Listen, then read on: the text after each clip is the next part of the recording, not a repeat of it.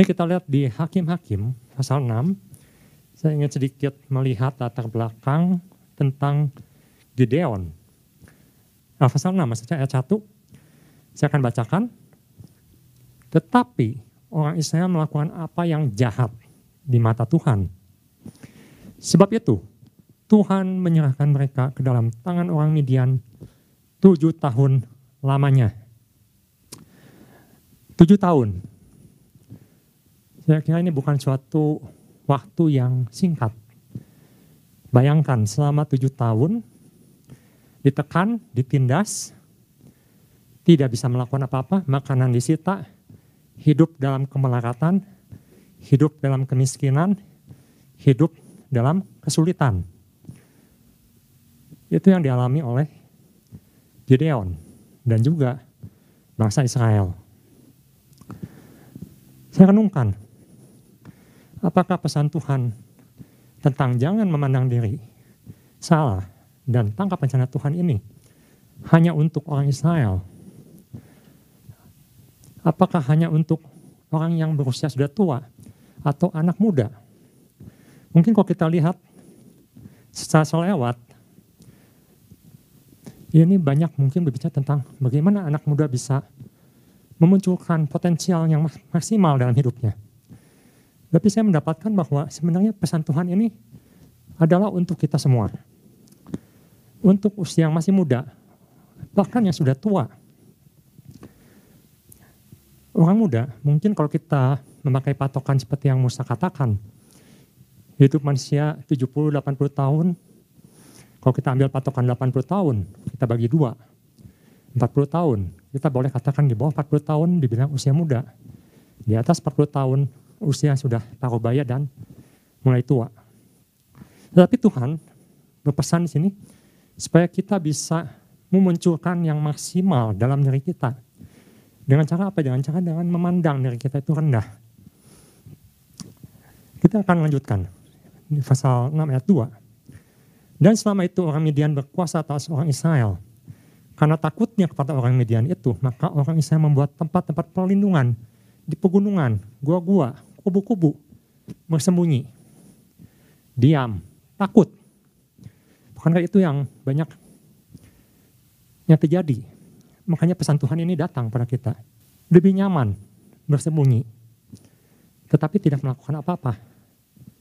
Biar mendapat apa-apa, Ayat yang ketiga, setiap kali orang Israel selesai menabur, datanglah orang Midian, orang Amalek, dan orang-orang dari sebelah timur. Lalu maju mendatangi mereka. Ayat keempat, berkemahlah orang-orang itu di daerah mereka dan memusnahkan hasil tanah itu sampai ke dekat Gaza dan tidak meninggalkan bahan makanan apa pun di Israel. Juga domba atau lembu atau keledai pun tidak.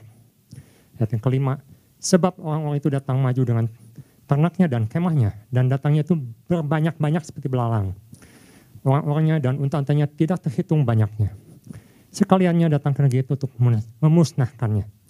Yang keenam, sehingga orang Israel menjadi sangat melarat oleh perbuatan orang Midian itu, lalu berserulah orang Israel kepada Tuhan. Suatu keadaan yang tidak ada kemajuan.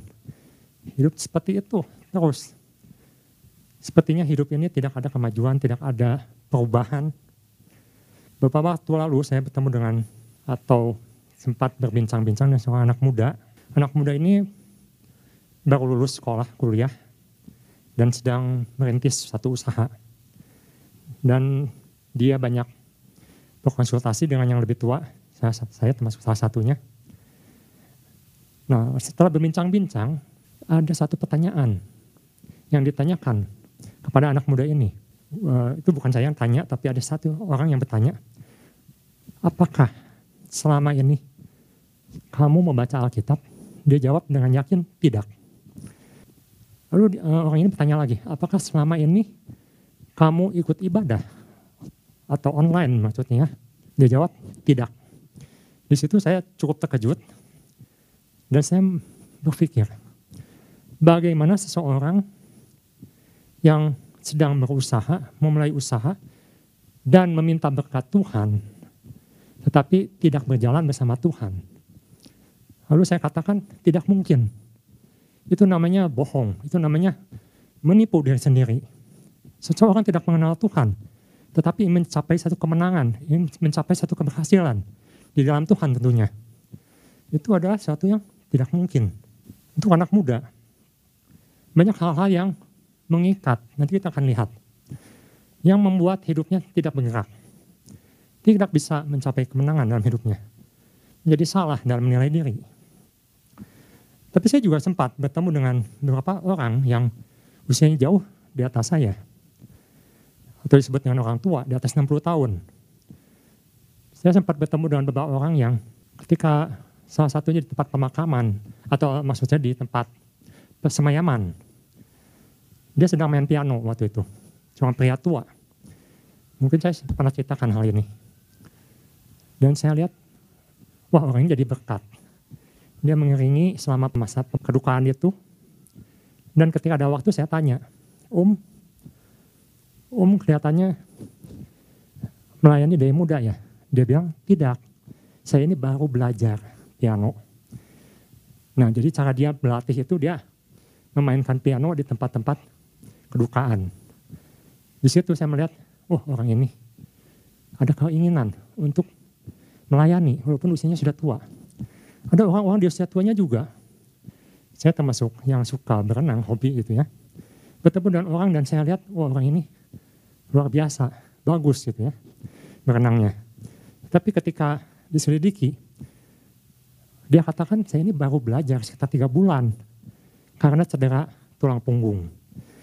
Jadi saya melihat di sini, ini pesan ini bukan untuk anak muda saja, bukan untuk orang tua saja, untuk kita semua. Banyak hal-hal yang membatasi, terutama diri sendiri, untuk maju, untuk berkarya untuk Tuhan. Nah kita akan lihat dari Gideon ini bagaimana Gideon bisa keluar dari zona ini, dari zona yang membuat dia tidak bisa bergerak apa-apa. Jadi bagaimana cara kita untuk memandang diri benar dan menangkap rencana Tuhan. Kita akan lihat mulai dari Hakim-Hakim pasal 6 ayat 13. Saya akan bacakan. Jawab Gideon kepadanya, Ah Tuhanku, jika Tuhan menyertai kami, mengapa semuanya ini menimpa kami? Di manakah segala perbuatan-perbuatannya yang ajaib yang diceritakan oleh nenek moyang kami kepada kami? Ketika mereka berkata, bukankah Tuhan telah menuntun kita keluar dari Mesir. Tetapi sekarang Tuhan membuang kami dan menyerahkan kami ke dalam cengkaman orang Midian. Ini yang dikatakan oleh Gideon. Saya melihat di sini dan mendapatkan bahwa ketika seseorang hanya mendengar sebagai cerita semua janji-janji Tuhan yang diucapkan misalnya Tuhan katakan kau ada umat pemenang. Tetapi jika kita menganggap itu suatu cerita, sesuatu yang hanya di awang-awang, hanya suatu janji, maka orang itu tidak akan pernah mendapatkan janji Tuhan itu. Jadi bagi pertama ini saya ingin menjelaskan bahwa pemulihan itu adalah langkah pertama yang harus dilakukan. Bagaimana seseorang yang tidak bisa mengaminkan janji Tuhan bisa mendapatkan janji Tuhan? Saya kira akan sulit sekali. Kita coba lihat di Hakim-Hakim pasal 6 ayat 10. Jadi katakan, dan aku telah berfirman kepadamu, akulah Tuhan Allahmu. Maka janganlah kamu menyembah Allah orang Omari yang negerinya kamu diam ini. Tetapi kamu tidak mendengarkan firmanku. Sama seperti anak muda yang tadi saya ceritakan. Dia tidak mau membaca firman. Dia tidak mau mendengarkan firman. Suatu langkah awal yang harus dilakukan dengan benar yaitu dengan mulai mendengarkan firman. Mulai mengaminkan firman Tuhan. Karena di situlah kita bisa mempunyai kekuatan dan kepercayaan bahwa apa Tuhan yang Tuhan tuliskan, apa yang Tuhan janjikan dalam kehidupan kita. Bagaimana kita bisa mengenal diri kita sendiri ketika kita tidak mengerti bagaimana Tuhan menciptakan manusia dan esensinya. Semuanya ada dalam firman Tuhan. Pasal 6 ayat 22, di situ katakan, maka tahulah Gideon bahwa itulah malaikat Tuhan lalu katanya, celakalah aku Tuhan, ku Allah. Sebab memang telah kulihat malaikat Tuhan dengan berhadapan muka. Ketika seorang mulai mengenal Tuhan, saya kira masih ada langkah-langkah lain yang harus dilakukan.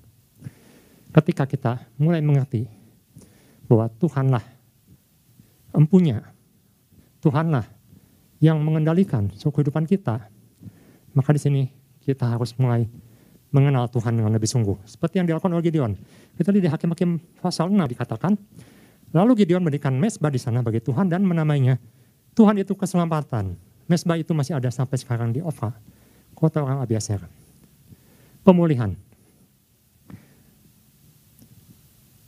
Ketika saya baca tentang Gideon ini, dan Gideon menghancurkan mesbah Baal dan Asyerah, di situ orang-orang mulai menentang dia, terutama keluarganya. Kelihatannya ayahnya ini juga mempunyai peran penting dalam membawa keluarganya untuk satu keterikatan dengan penyembahan berhala. Ini menjadi suatu perenungan juga buat kita. Apakah kita sudah membawa keluarga kita ke jalur yang benar?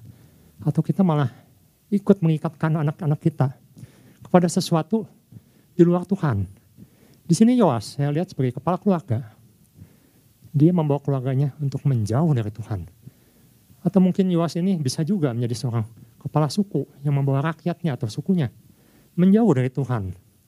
Ketika orang berbantah-bantah dengan dia, di situ kelihatannya Yoas mempunyai satu kedudukan yang cukup berpengaruh. Tetapi Tuhan memanggil kembali Gedeon. Tuhan ingatkan kembali siapa Gedeon. Tuhan katakan engkau adalah pahlawan yang gagah perkasa. Kalau kita didatangi oleh malaikat Tuhan, dan malaikat Tuhan berkata, engkau adalah anak Tuhan. Anak Tuhan yang gagah perkasa. Ketika kita tidak punya hubungan dengan Tuhan, ketika kita di dalam belum dipulihkan, mungkin kita akan berkata, gak mungkin Tuhan, saya ini orangnya gak bisa apa-apa. Saya tidak punya kemampuan apa-apa. Saya ini bukan siapa-siapa. Tapi ketika Tuhan ingatkan kembali pagi hari ini, kita adalah anak-anak Tuhan.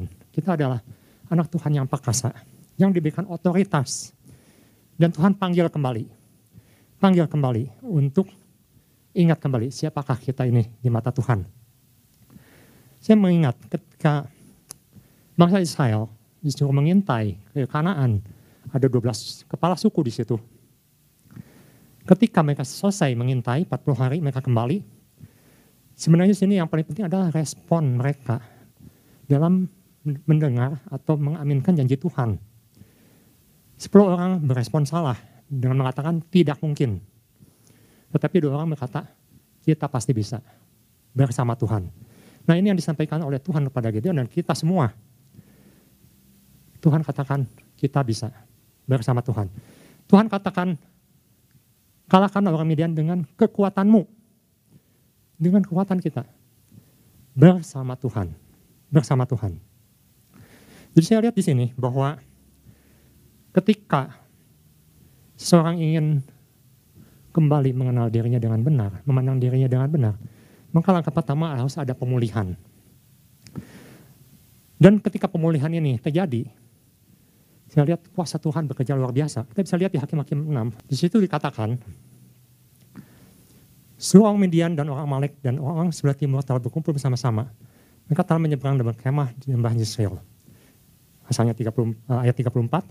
Pada waktu itu roh Tuhan menguasai Gideon. Dan selanjutnya, ketika kita mau untuk menundukkan diri dan kembali pada panggilan Tuhan yang benar tentang siapakah kita di mata Tuhan dan tugas apa yang Tuhan inginkan kita lakukan, saya melihat Tuhan akan mengurapi orang itu. Roh Kudus akan menguatkan orang itu. Untuk saya, untuk saudara, untuk semua. Itu yang Tuhan lakukan. Itu yang Tuhan janjikan.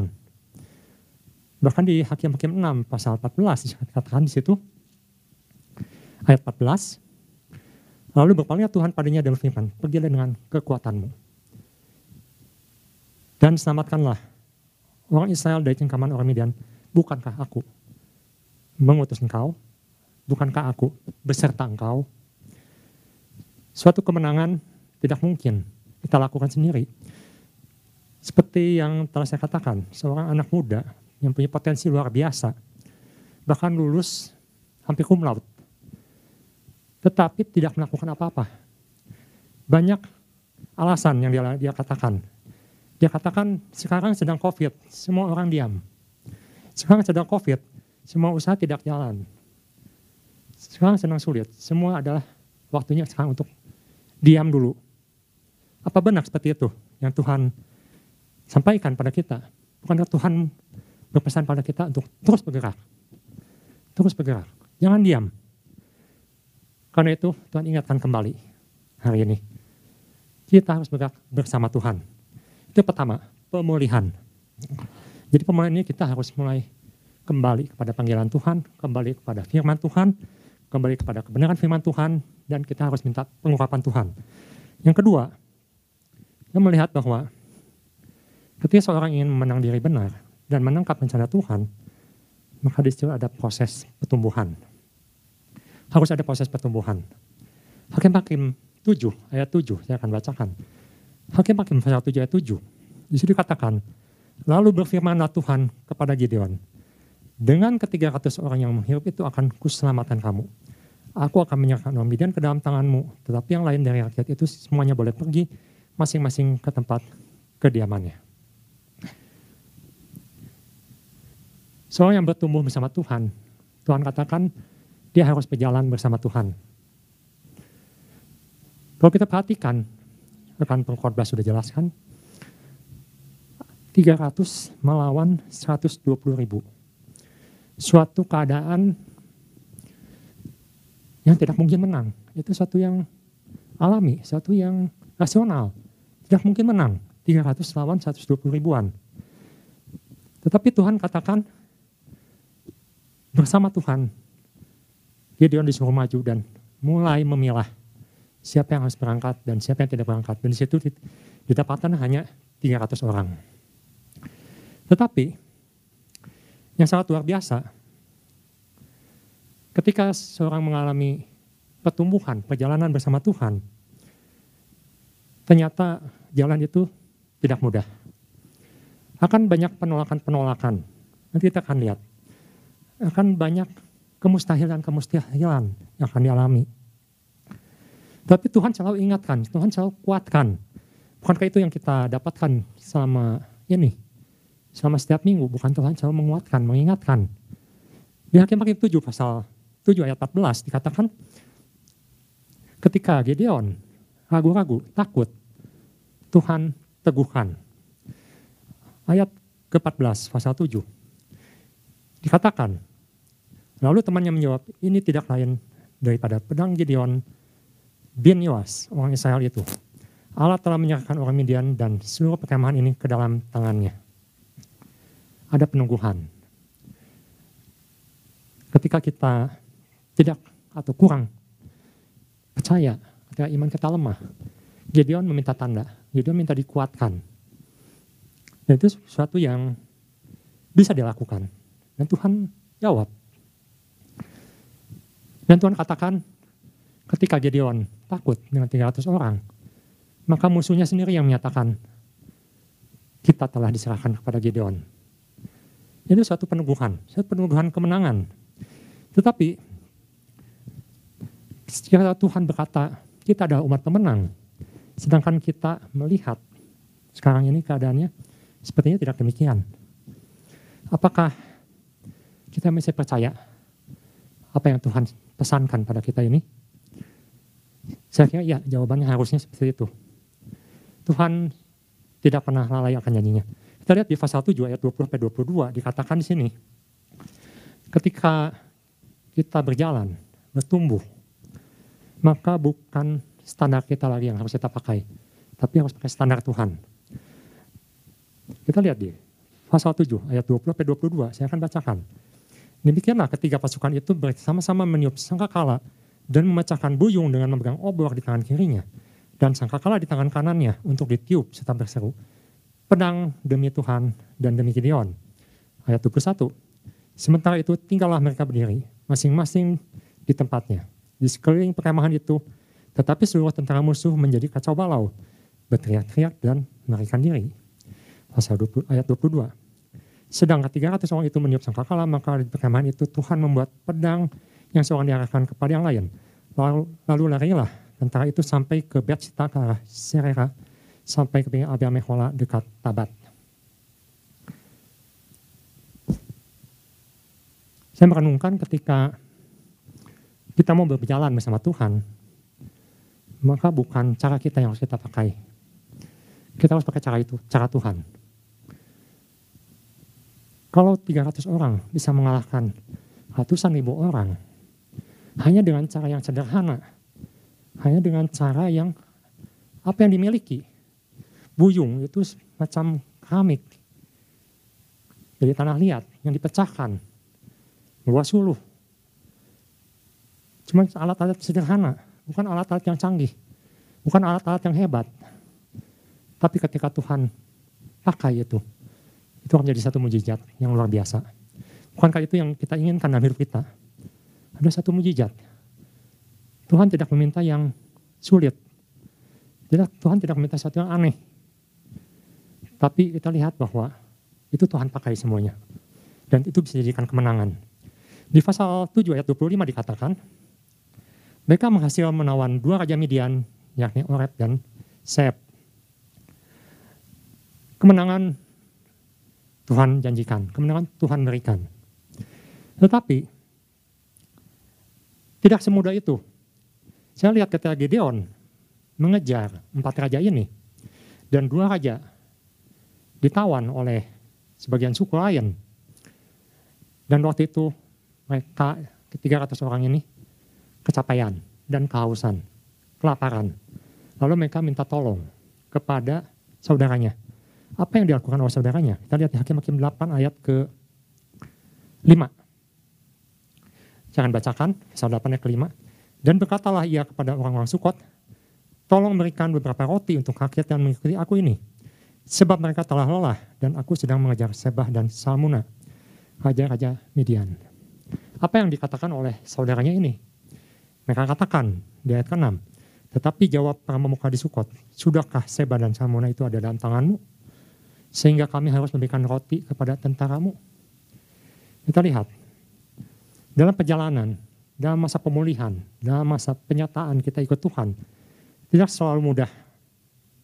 Bahkan hal-hal ini terjadi dari saudara sendiri mungkin, dari keluarga sendiri, dari orang dekat sendiri. Bisa terjadi. Bahkan mereka tidak mau mendukung.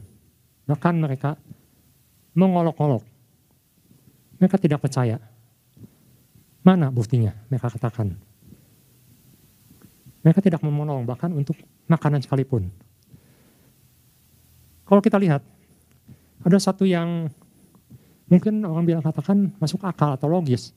Kalau seorang di masa-masa seperti Gideon ini, orang menyerah. Ah sulit ikut Tuhan.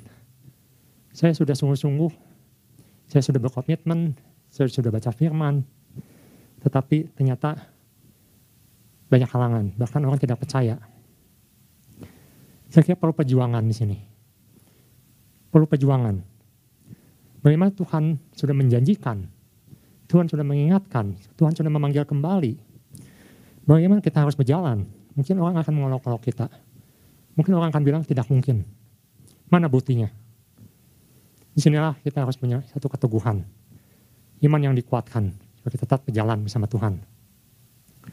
Di pasal 8 ayat 32, kita lihat bahwa seseorang yang mau berjalan bersama Tuhan melalui rintangan-rintangan dan dia mau kembali pada panggilan Tuhan, di situ saya lihat potensialnya itu berkembang dengan full. Ini menjadi suatu renungan juga untuk saya ketika kita ingin mendapatkan siapakah diri kita dengan full di hadapan Tuhan. Saya kira ini ada satu masa yang harus kita mampu lampaui bersama Tuhan. Pasal 8 ayat 32 dikatakan, Gideon bin Yoas mati pada waktu rambutnya telah putih.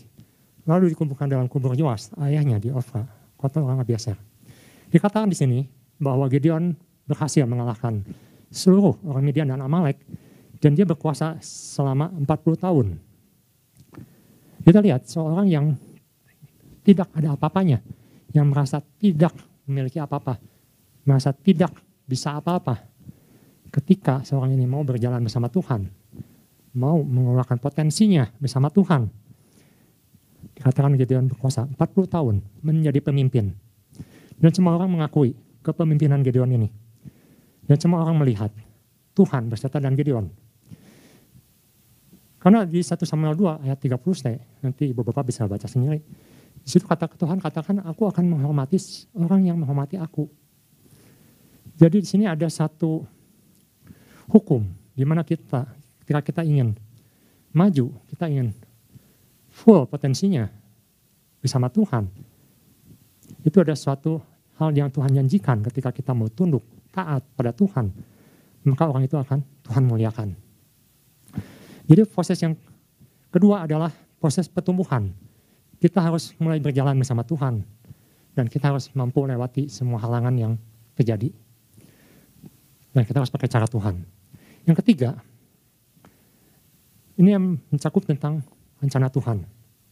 Kita akan lihat bahwa kemenangan, peneguhan, kemuliaan, itulah yang Tuhan inginkan dalam setiap kehidupan anak-anak Tuhan. Minggu lalu kita diingatkan tentang Yunus. Bagaimana Tuhan memanggil Yunus, tetapi Yunus lari. Di situ kita bisa melihat bahwa kehidupan Yunus terus turun. Tetapi hari ini, pagi ini, kita melihat kehidupan Gideon. Bagaimana Tuhan mengangkat kehidupan Gideon. Bagaimana Gideon menjadi pemimpin yang diakui oleh Tuhan. Dan di sini kita bisa lihat bahwa Tuhan berikan kemuliaan dalam kehidupannya.